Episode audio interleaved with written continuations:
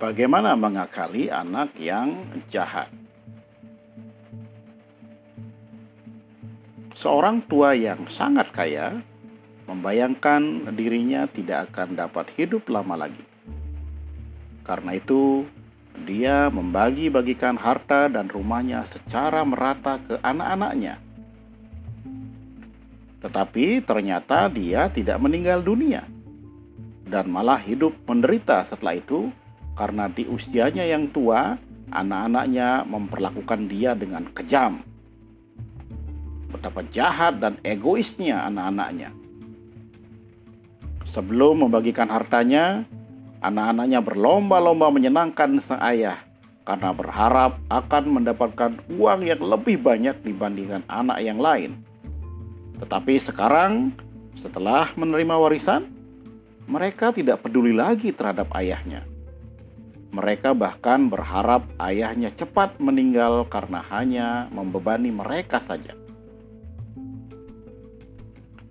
Suatu hari, orang tua tersebut bertemu dengan temannya dan menceritakan segala kesedihannya.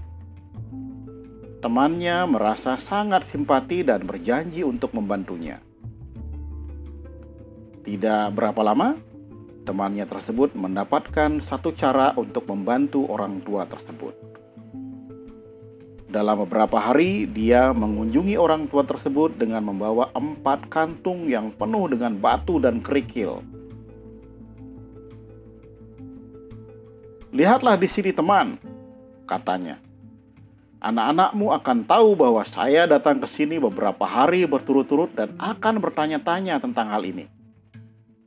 Kamu harus berpura-pura bahwa saya datang untuk mengembalikan uang yang saya pinjam dari kamu dan berpura-puralah seolah-olah uang pinjaman yang saya kembalikan lebih banyak lagi dari yang engkau pernah miliki. Simpanlah kantung-kantung batu ini dan jangan biarkan anak-anakmu mendapatkannya atau membukanya selama kamu masih hidup. Saya yakin mereka akan mengubah tingkah laku mereka terhadap kamu. Selamat jalan, saya akan mengunjungi engkau apabila saya sempat. Ketika anak-anaknya mendengar bahwa ayahnya memiliki kekayaan yang luar biasa banyaknya kembali, mereka mulai berlomba-lomba memberikan perhatian kepada ayahnya. Dan hal ini berlanjut hingga orang tua tersebut meninggal dunia.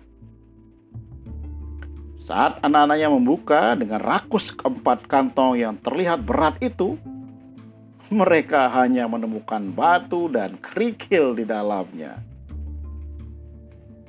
Jadi, pembelajaran yang dapat kita teladani dari dongeng bagaimana mengakali anak yang jahat ini adalah hormatilah orang tuamu, apa pun keadaannya, karena orang tualah yang telah membesarkan anak-anaknya.